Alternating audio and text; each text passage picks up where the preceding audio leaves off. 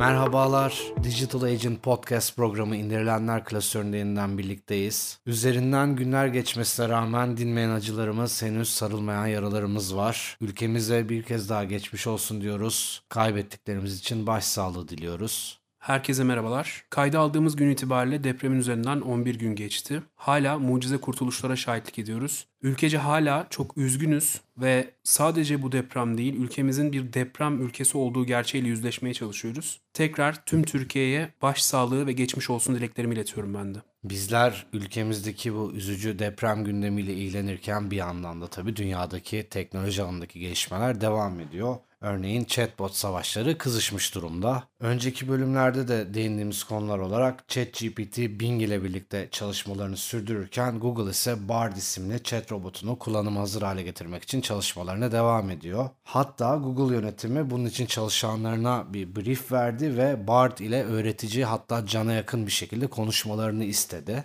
Diğer taraftan Writer ise çıtayı bir üst noktaya taşıyarak chatbot değil direkt yazarlık yapabilecek bir yapay zeka modülü üzerinde çalışmaya devam ettiğini duyurdu. Bu modellerde birbirinden farklı olarak bir üçleme söz konusu. Üslup belirleme, stil belirleme gibi detaylar mevcut. Ne diyorsun Erdem? Sözü sana bırakalım. Evet Uğur aslında sen hap bilgiyi verdin. Ben konuyu birazcık daha genişleteceğim. Google BART adlı bir chatbotla karşımıza çıktı. Aslında bir süredir konuşuyorduk. OpenAI'nin geliştirdiği ChatGPT'ye rakip olacak bir chatbot üretmek istediklerinden bahsediyorduk. BART geçtiğimiz hafta duyuruldu. Biraz aceleye geldiği söylendi. Aceleye gelmesinin sebebi de şu. Microsoft'un Edge'e ChatGPT'yi entegre etmek istediğini biliyoruz. Google sanıyorum bunun önünü almak istedi. O yüzden hızlı bir şekilde duyurdular. Bu süreçte Bard'ın kullanıcılarına hatalı yanıtlar vermesi Google hisselerinin %9 çakılmasına yol açtı. Bu yüzden de Google CEO'su Sundar Pichai birazcık eleştirildi. Google bazı çalışanlarından senin de söylediğin gibi Bard üzerinde çalışmalarını istedi. Her gün 2 ila 4 saat Bard'la konuşmalarını ve ona nasıl yanıt verdiklerini göstermelerini istedi. Çünkü bildiğimiz gibi yapay zeka modelleri önce veriyi alıp sonra oradan yola çıkarak kendi yanıt sistemlerini oluşturuyorlar. Çünkü bildiğimiz üzere yapay zeka modelleri önce bir veriyle besleniyor. Arkasından bu verilerden elde ettikleri bilgilerle tekrar kendi çıkış yöntemlerini belirliyorlar. O yüzden Google çalışanlarının günlük böyle bir mesai ayırmaları Bard'ın aslında daha doğal cevap vermesine yol açacak. Daha doğal cevap vermesini sağlayacak. Yani Bard'ın Google çalışanlarının sayesinde daha çok insanlaşacağını söyleyebiliriz. Microsoft'tan da bahsettin ki aslında ben de değindim. Microsoft kanadında da şöyle bir gelişme yaşandı. Microsoft CEO'su Satya Nadella, Bing ve Edge ile entegrasyonu yapılan ChatGPT'nin uzun sohbetlerde hatalı yanıtlar verebildiğini açıkladı. Bu konuyla ilgili çıkan haberlerde özellikle insan gibi cevap vermeye çalışan ChatGPT'nin bu süreçte zorlandığı, sohbet uzadıkça bu hataların arttığından bahsedildi. Sen Writer'dan da bahsettin. Writer'dan da bahsetmek istiyorum. Benim için özellikle önemli. Çünkü bir editör olarak benim işim her gün yazı yazmak. ChatGPT'nin tarihin önemli yazarlarının tarzında yazı yazmamızı istediğinde yanıtlar verebildiğini biliyoruz. Writer'ın ürettiği bir yazılım bunu farklı bir noktaya taşıdı. Şöyle bir çalışma prensibi var. Önce kendi yazılarınızı yüklüyorsunuz, sistemi besliyorsunuz. Writer buradan aldığı bilgilerle sizin tarzınızda yazı yazabiliyor. Yani bugün ben Erdem Akın Temel adıyla yazı yazarken yarın yazdığım yazıları Writer'ı beslemek için kullanıp kendi adıma yazı yazdırabilirim gibi duruyor. Henüz çok gelişkin bir sistem değil ama bizim mesleğimizde bu yapay zeka furyasından etkilenecek gibi duruyor. Bu ChatGPT'nin Bing'e ve Edge'e entegre sürecinde bir kavga olayı yaşandı. Sosyal medyada konuşuldu. Denk geldin mi bilmiyorum. Bir kullanıcı Bing ile Avatar filminden, Avatar The Way of Water filminden başlayan bir konu üzerine kavga ediyor. Konu şuradan çıkıyor. Bir kullanıcı ChatGPT'ye Avatar hakkında bir soru yöneltiyor ve ChatGPT de Avatar hakkında genel bilgiler veriyor. İşte 2009 yılında James Cameron'ın yönetmenliğine vizyona girdi vesaire. Ek olarak da Avatar The Way of Water filminin 2022 yılının Aralık ayında vizyona gireceğini söylüyor. Bunun üzerine kullanıcı da bizim 2023 yılında olduğumuzu ve haliyle bu filmin vizyona girmiş hatta bizim izlemiş olabileceğimizi söylüyor. Ve diyor ki bugün hangi tarihteyiz? Tarih sorulduğunda ChatGPT o günün tarihini veriyor. Tekrar kullanıcı Avatar'ı sorduğunda evet Avatar filmi 2022'de vizyona girecek ve daha girmedi diyor. Bu tartışma böyle uzayıp gidiyor Erdem ve en sonunda da ChatGPT bu kullanıcının davranışlarını beğenmediğini ve özür dilemesi gerektiğini söylüyor. Altta iki sekme çıkıyor ve bunlardan biri hatamı kabul ediyorum, davranışlarım yanlış olabilir, özür dilerim. Diğeri ise bana yardımcı olmadın gibi bir buton. İlginç bir örnek olmuş. Chatbot'un aslında insanlaştığından bahsederken belki biraz bunları da almak lazım. Yani evet burada bir tartışma var ama chatbotların zamanla kaprisli hale gelip gelmeyeceğini de sorgulayabiliriz. Yani sen hiç ettin mi kavga? Chatbot konuşmalarında. Tartışma gibi bir şeyler yaşadın mı? Ben hiç yaşamadım ama çelişkili cevaplarını gördüğüm oldu. Ama tabii konuyu da çok uzatmadım. Chatbot'la kavga etmeye, chatbot'la chatbot olmaya gerek yok.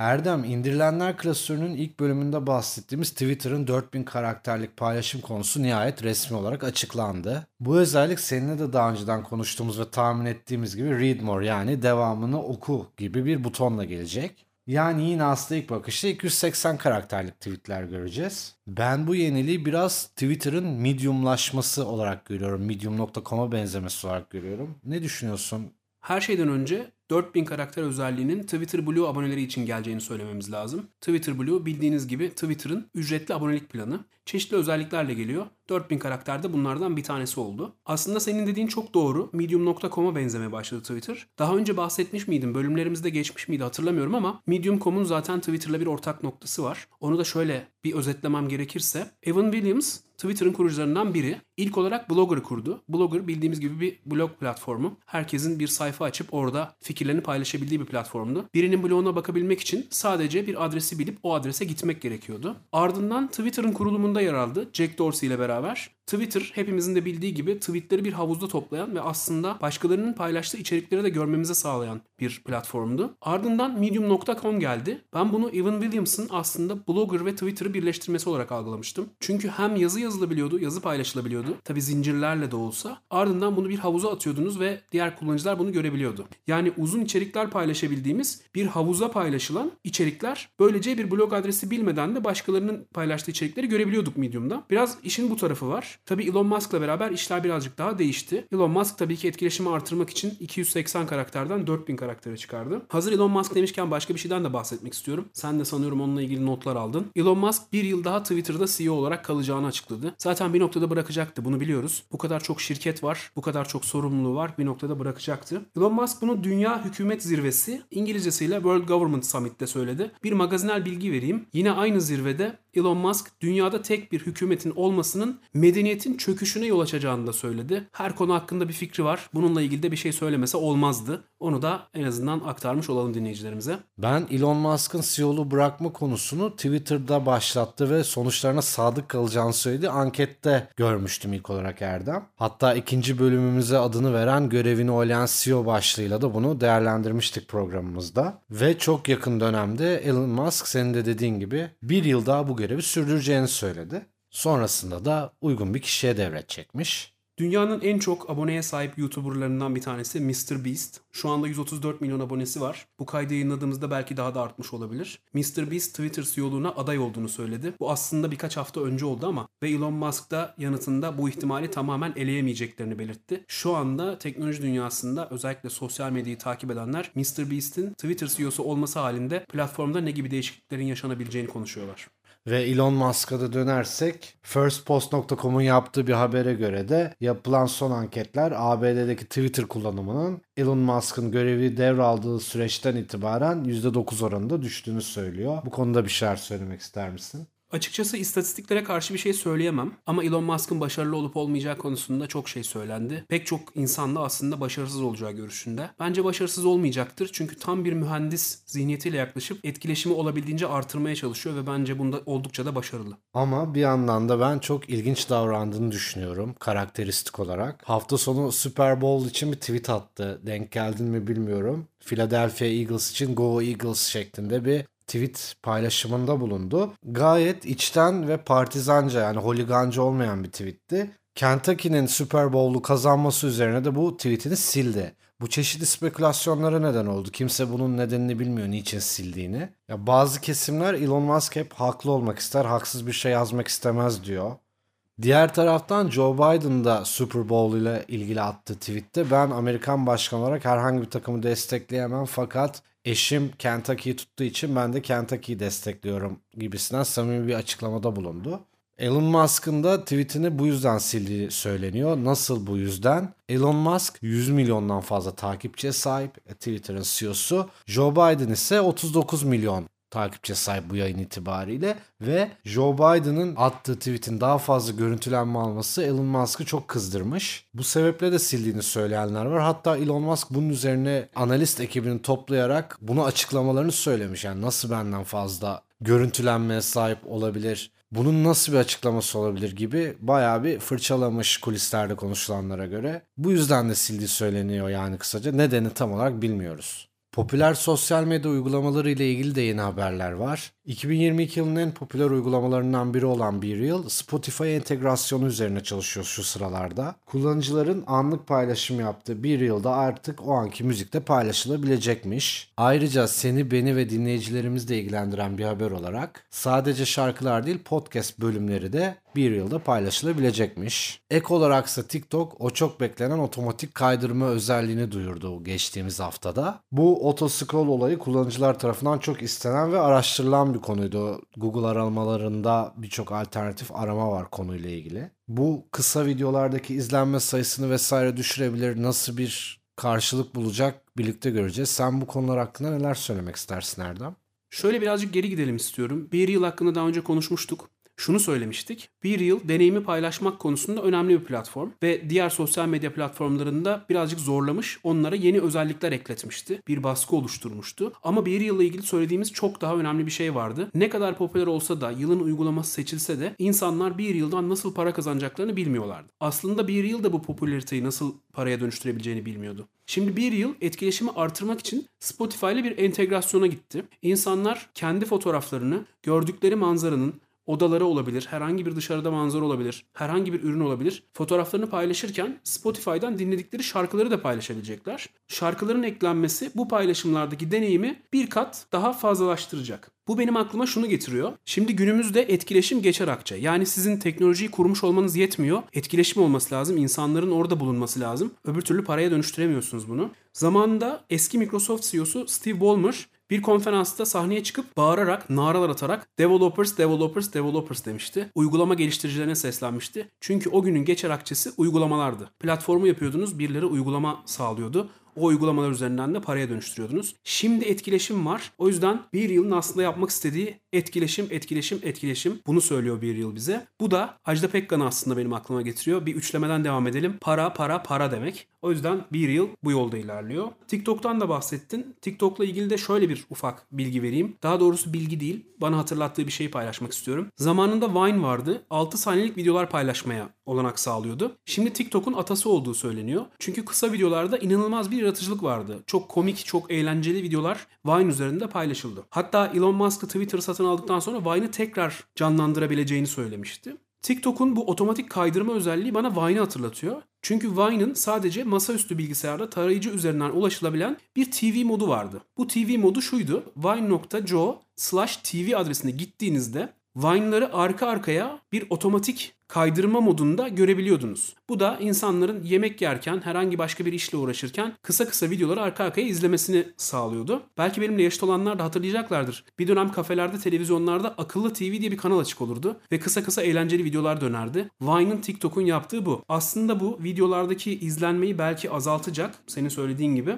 ama toplamda daha fazla video izlenmesine yol açacak. Çünkü telefonunuzu bir kere açtığınızda saatlerce, günlerce, haftalarca şarjınız nereye kadar gidiyorsa videoların döndüğünü göreceksiniz. Vine'la geçmişe gitmişken diğer bir eski dostumuz Internet Explorer'a da resmi olarak veda ettik Erdem. Hepimizin ilk browser'ıydı aramızda Netscape'çiler yoksa. Internet Explorer 1 1995 yılında piyasaya sürülmüştü Erdem ve tarayıcıların bedava olmasında öncüsü diyebiliriz Internet Explorer için. Seninle birlikte bu veda ile ilgili Digital Age'in web sitesinde ve sosyal medyasında da haberini yapmıştık 15 Haziran tarihinde. Windows 14 Şubat'taki son yazılım güncellemesiyle Explorer'ın hizmetini tamamen sonlandırdı. Böyle bir haberle karşılaştık.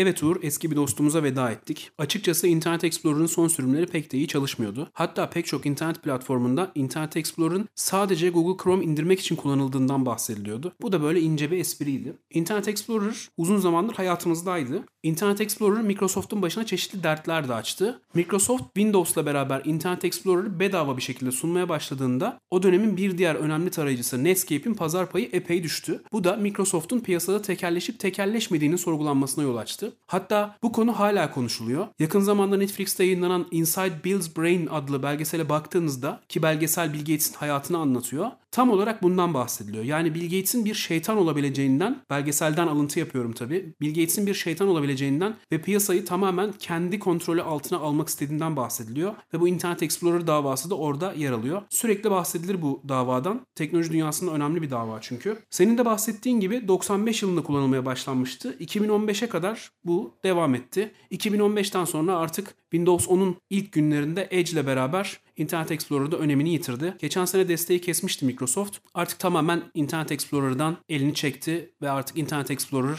yok. Bu haftaki app'imiz ülkemizdeki gündemin de etkisiyle Türkiye Barolar Birliği tarafından hem iOS hem de Android platformları için geliştirilen Enkaz Radar uygulaması.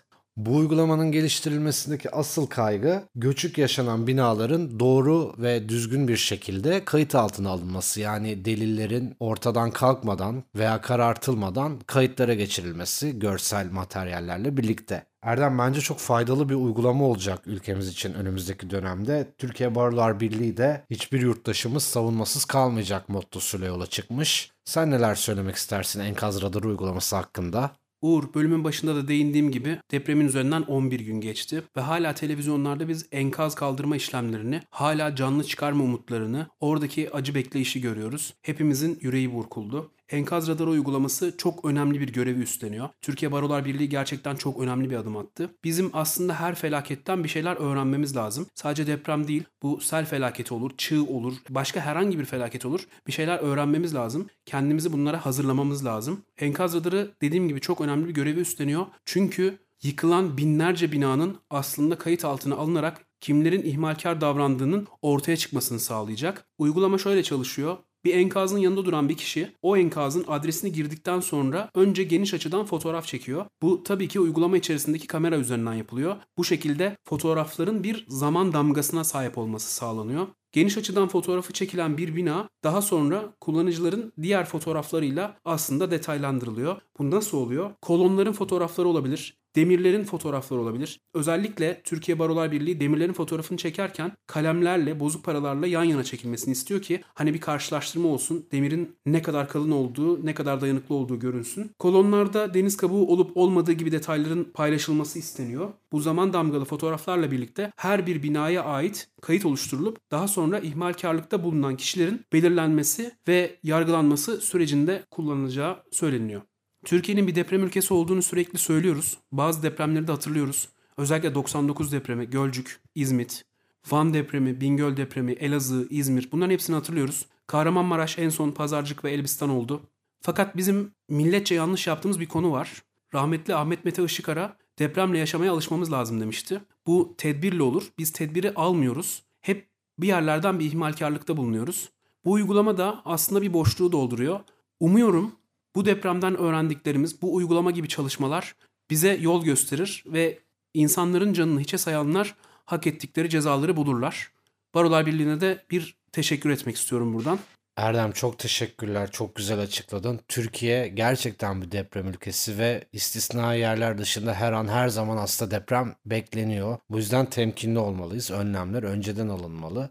Enkaz radar uygulaması da bence çok iyi düşünülmüş. Çok faydalı bir uygulama. Umarım zaman bize bu arşivleme konusunda güzel şeyler gösterir uygulama ile ilgili. İndirilenler klasöründe bu bölümümüzün de sonuna geldik. Ben Uğur Mutlu, Erdem Akın Temel benimle birlikteydi. Kendinize çok iyi bakın. Sonraki bölümlerde görüşmek üzere. Görüşmek üzere.